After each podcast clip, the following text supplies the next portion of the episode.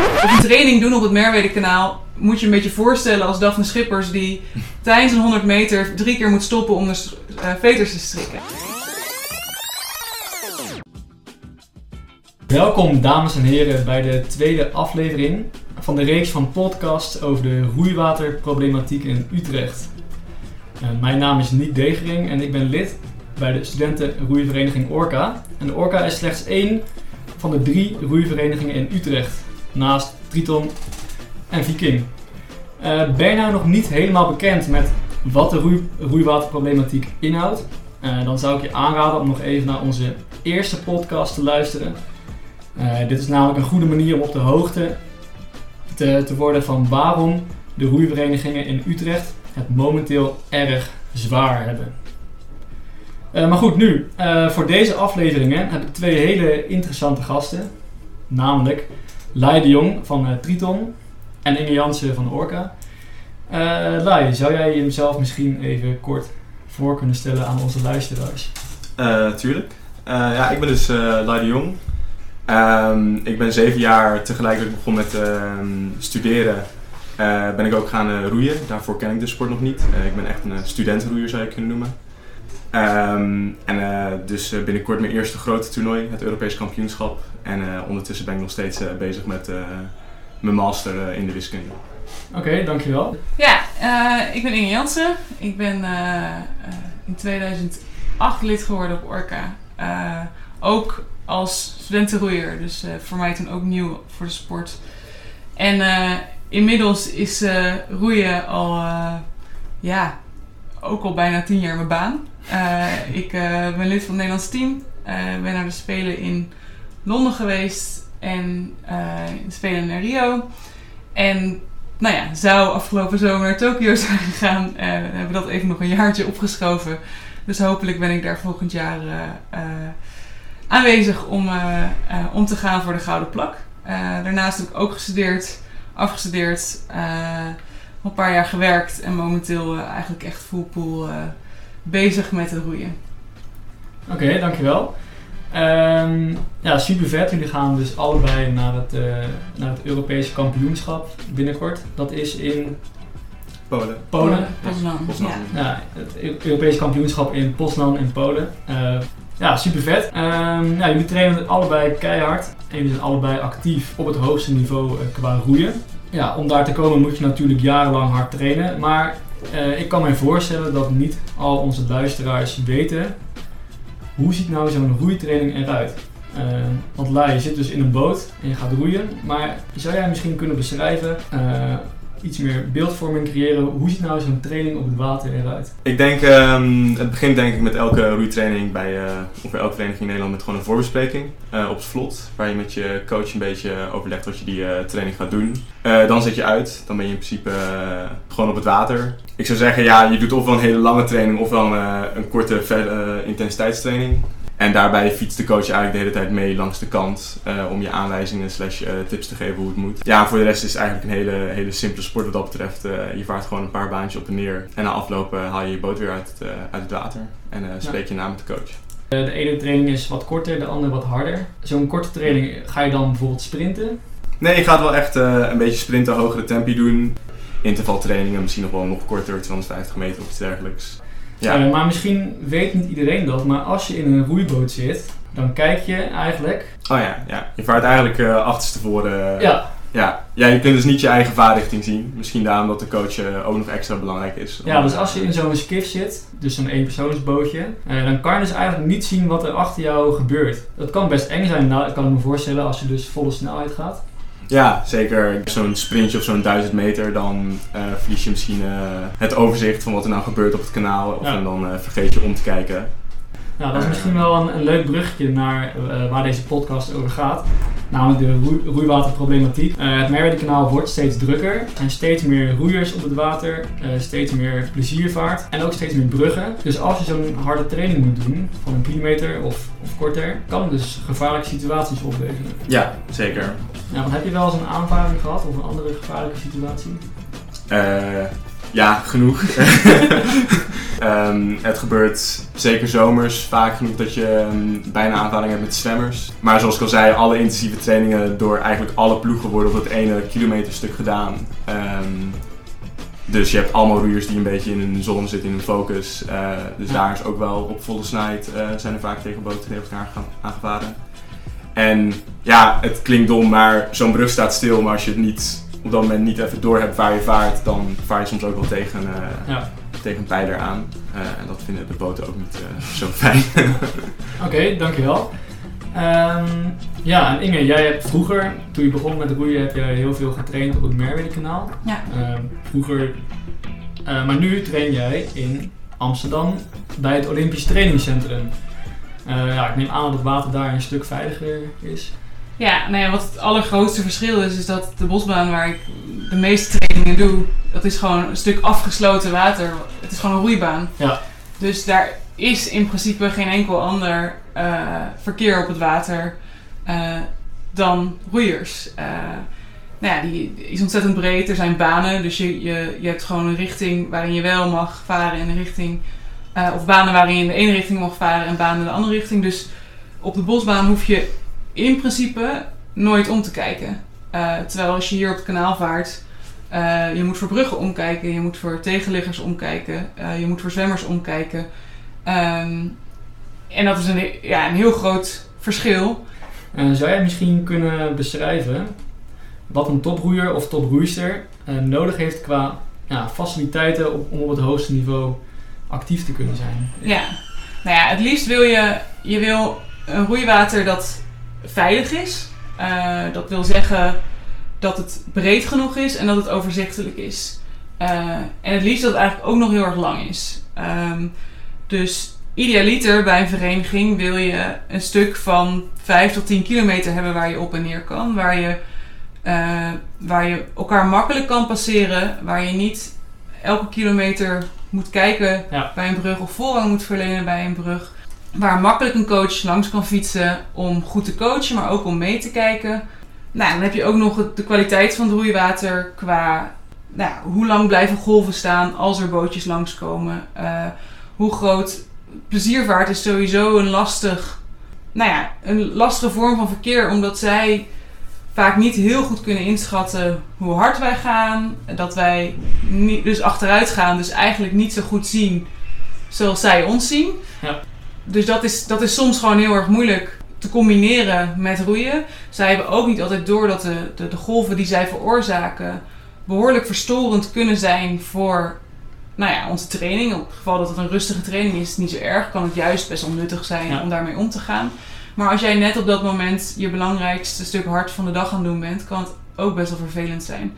Oké, dus ik hoor nu al eh, heel veel verschillende dingen. Dus overzichtelijkheid, eh, de lengte van het kanaal.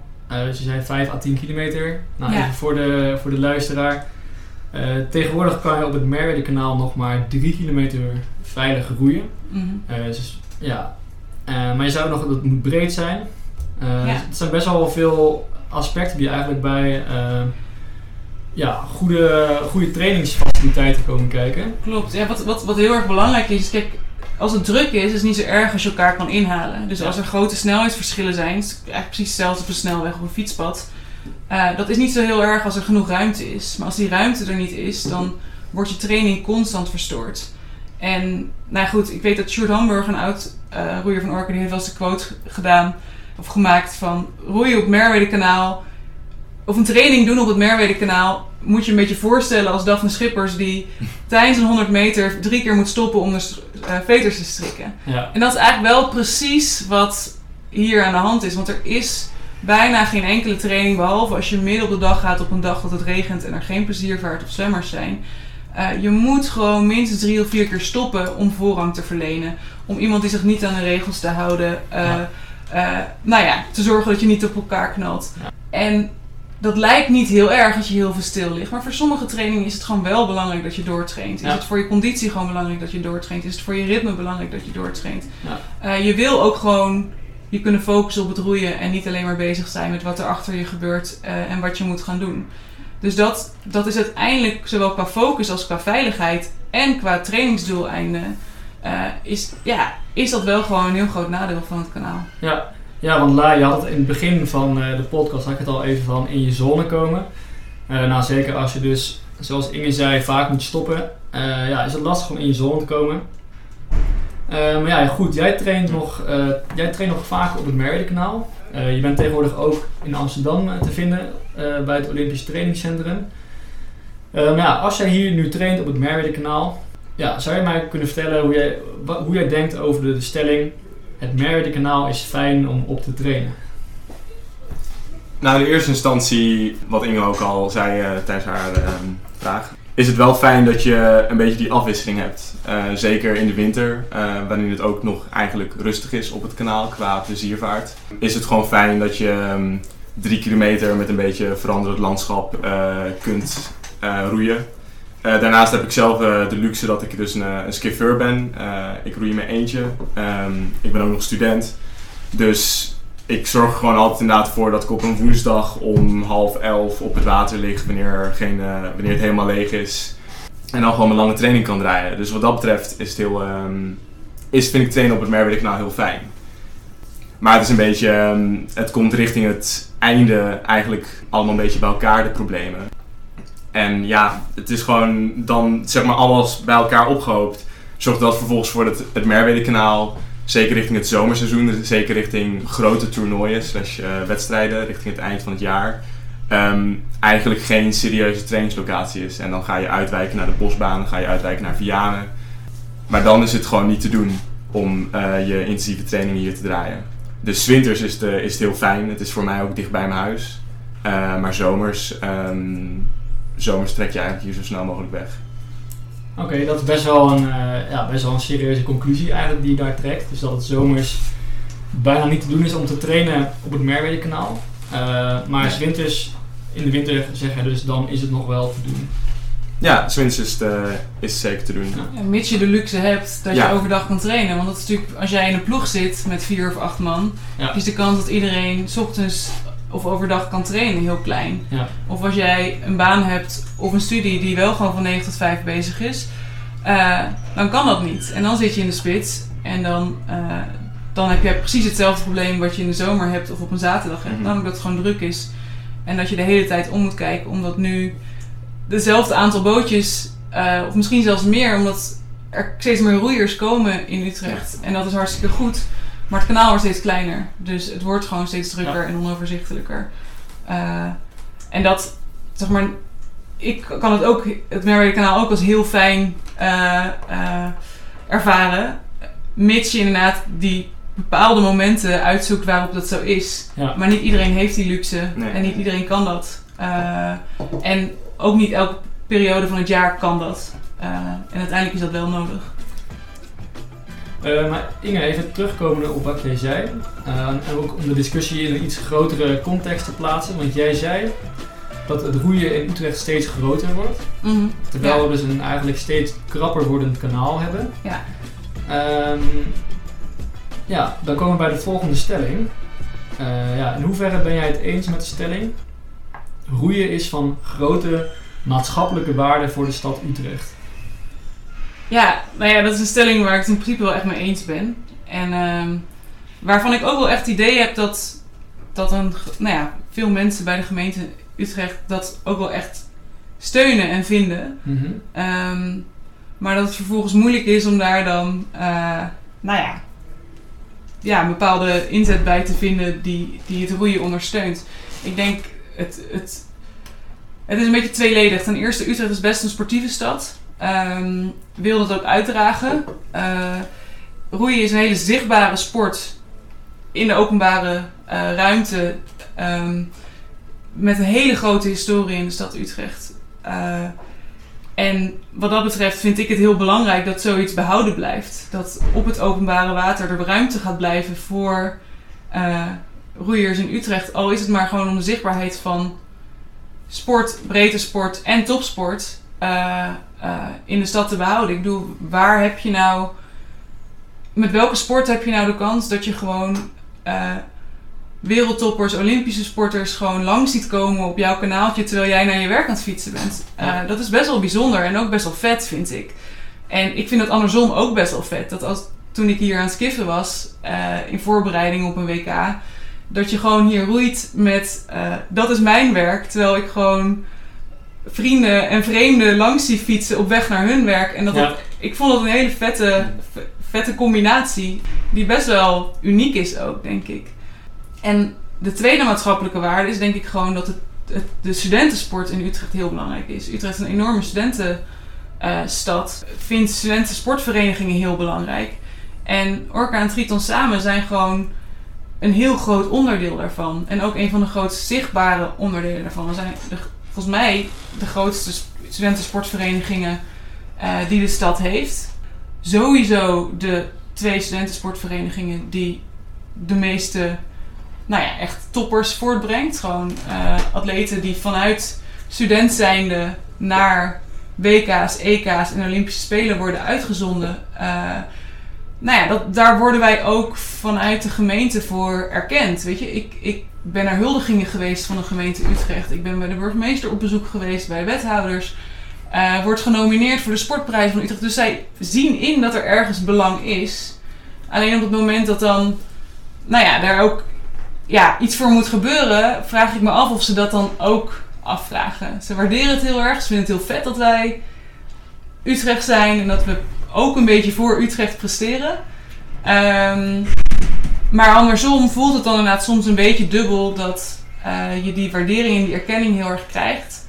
Maar op het moment dat wij erkenning vragen voor de problematiek die er is, dat, dat iedereen het er wel mee eens is, maar dat er eigenlijk dan niks kan gebeuren. Ja. En ik snap ook wel dat bepaalde problematiek heel moeilijk is om op te lossen. Maar eh, ja, het voelt soms een beetje van we zijn wel heel blij met jullie als je het goed doen, maar we gaan er niet echt te veel Ja. energie in stoppen. En eh, terwijl ik oprecht wel denk dat zowel die studentenverenigingen, en dan los van de topsport die daaruit voortkomt, wel gewoon heel belangrijk zijn voor de identiteit en voor sportiviteit binnen je stad. Eh, en dat het daarmee ook gewoon wel echt onderdeel is van Utrecht en, en moet blijven. Ja, dus het, roeien eigenlijk, het roeien in Utrecht brengt dus, als ik het zo goed begrijp, eh, dynamiek aan in, eh, het, ja, in het dagelijks leven. Want Ja. jij als Olympische roeister of eh eh Lai, nog als student, maar ook naar een internationaal toernooi. Jullie roeien gewoon, gewoon, tussen haakjes gewoon, eh, op het water langs mensen die ook naar hun werk gaan. Ja, Eh, andere mensen zien jullie, eh, misschien inspireren jullie wel andere mensen. Of andere studenten, of toekomstige studenten om te Nou. gaan roeien. Het is ook wel grappig om te zien dat je op het Merwede-kanaal, eh, je hebt er best wel veel bruggen overheen. En er staan eigenlijk stevast vaak wel mensen foto's te Stil, maken. ja. stil om Ja. te kijken. Dus, Ehm, dus eigenlijk zou je kunnen zeggen, misschien roeien jullie wel op een uh, doordeweekse training eh, langs jullie opvolger, die misschien nu nog heel jong is, maar jullie ziet roeien en daardoor geïnspireerd raakt om later ook te gaan roeien. ja, Ja. Dat, dat, Ja. dat hoop ik wel en ik hoop ook echt dat dat nog kan. Ja. En eh, ja, Oh, dat is trouwens meteen een heel leuk brugje naar de volgende vraag. Eh, ja, kan er nog in de toekomst? Lai, hoe zie jij de toekomst voor het roeien in Utrecht? Ehm, nou, wel enigszins somber. eh, als we het hebben echt over roeien in Utrecht zelf. Ehm, zoals we al zeiden, van op een gegeven moment maak je die commitment en kun je op elk moment trainen. eh, en dan word je eigenlijk ook wel een beetje ehm, ehm, gedwongen om op een gegeven moment in Amsterdam te gaan trainen. En het is juist denk ik voor die eerstejaars en die middengroepers, dus zeg maar waar elke, ja, elke studentenroeier in ieder geval begint, heel belangrijk dat je die stappen en het volume kunt draaien om vervolgens langzaam maar zeker naar het topsportniveau eh, toe te kruipen. En zoals het er nu naar uitziet, ehm, en dat zie je ook wel eh, stiekem al een beetje terug in de prestaties van eerstejaarsploegen in Utrecht, ehm, is het gewoon niet te doen om hier hele lange trainingen te draaien met acht mensen eh, die een schema hebben dat niet op elkaar afgestemd is. Ehm, en ik denk dat we nu nog de mazzel hebben dat het een tijdje best wel prima is geweest. Je ziet dat er best wel veel oude garde van Utrecht eh, bij de bond eh, is afgeleverd, om maar zo te noemen. En daar nu roeit en daar op topniveau eh, presteert, zoals Inge Jansen. Ehm, maar dat je op een gegeven moment, ja, je knijpt eigenlijk af bij de wortels. en je hebt op een gegeven moment niet meer die doorstroom. En je merkt dat, dat, je merkt dat het centrum van roeien steeds meer opschuift richting Amsterdam, waar ze wel betere faciliteiten hebben. Ja, dat is eigenlijk wel een, eh, ja. een pijnlijke conclusie ook, dat eh, ja, sporters zoals jullie eh, ja, in Utrecht begonnen met roeien, eh, daar groot geworden. Mhm. Nu naar Amsterdam moeten uitwijken. Om Nee. daar nog je trainingskilometers te Ja, het is natuurlijk tweeledig. Hè? Ik bedoel, ik moet er onder andere zijn Mm. omdat daar het trainingscentrum zit en ik Ja. daar moet trainen met mijn ploeggenoten. Eh, maar ja, grote kans als ik alles zelf in mijn eentje had moeten doen, dat je uiteindelijk ook kiest voor een water waar, waar meer ruimte is Zeker. en waar je beter kan trainen. Ja. Ehm, en als ik, zeg maar, de, als ik nu terugdenk aan de beginjaren dat ik roeide hier, toen was het kanaal ook al niet perfect. Maar je kon echt wel gewoon grote stappen Mhm. maken. Je kon naast elkaar sparren, trainen. Dat lukt nu gewoon bijna nooit meer. En bepaalde dingen zijn nodig om stappen te maken in je jonge jaren. Ja. En nou ja, wat Lai zegt, dat is wel gewoon echt waar. Als je die stappen niet in je eerste twee, drie, vier jaar kan maken, eh, ga je daarna de, de stap naar de top ook niet meer kunnen maken binnen de goede tijd. En, Mhm. eh, en dat, dat straalt weer af op nieuwe generaties, of jeugdgroeiers of studenten, die dan misschien toch kiezen voor andere verenigingen. Ja. Eh, en daarmee kun je inderdaad wel echt, nou ja, er, er zijn, als je kijkt naar de afgelopen Olympische Spelen, de afgelopen 20 jaar, zijn er altijd tussen de twee, drie of zes orkanen en tritonezen geweest die zijn afgevaardigd. Grote kans dat ik in Tokio de enige ga zijn. Ja. Eh, en het is nog maar de vraag hoe het erna ervoor staat. En dat ligt misschien niet alleen maar aan het kanaal, maar ik denk wel dat het een heel, heel grote factor is. Omdat je gewoon echt, die beginjaren zijn zo belangrijk om uiteindelijk de stap te kunnen maken naar de echte top. Ja. Eh, en dat is, dat is heel moeilijk uit te leggen aan niet-roeiers, denk ik. Maar ik denk dat dat, kijk, voor mij persoonlijk maakt het niet eens zo heel veel uit dat het kanaal nu minder goed is. Want ik, ik hoef hier niet, ik heb de vrijheid om ergens anders te trainen. En, eh, maar ik weet gewoon dat de generaties na mij eh, minder goede faciliteiten zullen hebben dan ik. Eh, en, Ja, ja. en ja, dat zou ik gewoon heel erg jammer vinden. Ja, en de verenigingen herkennen ook het patroon, Inge, dat jij aangaf. Dus dat, er, dat de spoeling, zogezegd, de spoeling wordt, wordt dunner. Mhm. Eh, ja, is er nog wel, na Tokio, is, is er dan nog wel een Olympische roeier van of Triton of Orca of Viking? Ehm, ja, en daarom ondernemen ze ook actie. Zo eh, is er bijvoorbeeld alternatief roeiwater in Vianen onder andere. Dat is een klein eh, stadje onder Utrecht. En er worden ook trainingskampen georganiseerd naar Amsterdam. Maar dit is natuurlijk geen fundamentele oplossing. Ehm, en daarbij dat gezegd hebben, kom ik meteen bij de laatste vraag van deze podcast. Eh, Inge, gezien de discussie over het roeien op het Merwede-kanaal, eh, is er nog een boodschap die je zou willen meegeven aan de gemeente Utrecht? En zo ja, welke boodschap zou dat zijn? Ja, ik denk dat het heel belangrijk is dat de gemeente gewoon echt meedenkt met de problematiek die er nu is. Kijk, er zijn dingen die wij niet kunnen gaan veranderen, die de gemeente ook niet kan gaan veranderen. Ehm, wat voor mij essentieel is, is dat het roeien in Utrecht behouden blijft. Ehm, en als dat betekent dat we een dependance in Vianen moeten hebben om de topsporters eh, van een bepaald niveau te laten trainen, dan is dat zo. Maar dat betekent niet dat het kanaal uiteindelijk vervangen kan worden door een kanaal buiten de stad. Eh, want het is gewoon van essentieel belang voor zowel Viking als voor de studentenroeiverenigingen dat de wortels gewoon hier in Utrecht liggen. Dat, we, dat je hier leert roeien, dat je je hier kan aanmelden om te gaan roeien. Ehm, want ja, dit is de stad waar je studeert, dit is de stad waar je het wil doen. Ehm, maar dat betekent niet dat voor die groep die meer wil dan recreatief varen, dat er gewoon wel echt heel serieus gekeken wordt van hoe kunnen we dat dan op zo'n manier faciliteren dat Orca, Triton en Viking in Utrecht blijven, dat daar nog steeds geroeid kan worden, maar dat qua professionaliteit er echt nagedacht wordt over roeiwater in de buurt, bereikbaar, eh, met ondersteuning nou ja, van de universiteit, van de gemeente, eh, waarin iedereen gewoon samenwerkt en niet alles nou ja, afschiet omdat dingen te duur of te lastig of wat dan ook zijn. Nee, als we het roeien in Utrecht op het kanaal willen behouden, is het van levensbelang dat we juist buiten de box denken voor bijvoorbeeld een dependance, een, een vaste dependance in Vianen of een roeiburg in Rijnenburg. Dat zie je ook in Amsterdam kun je in de zomer ook niet op de Amstel varen waar de studentenroeiverenigingen liggen. Maar die kunnen allemaal uitwijken naar de bosbaan in de zomer. Ja. En dat zijn de oplossingen die wij gewoon nodig hebben. En dat zijn lange termijn projecten die moeilijk, die makkelijk voor je uit te schrijven zijn. Ja. Ook als gemeente. Alleen op dit moment zijn we gewoon al op het punt bereik, beland waar je dat eigenlijk niet meer voor je uit kan schuiven. Eh, dus dat is eigenlijk mijn oproep aan de gemeente. Neem het gewoon echt hartstikke serieus. En snap dat een dependant in Vianen geen eh, vervanging is van wat we hier doen. Dat we niets liever willen en mo- moeten bijna om in Utrecht te blijven en hier onze roots te hebben. Maar gewoon echt puur professioneel kijken. Wat hebben topsporters nodig? Wat heeft de subtop daaronder net echt nodig?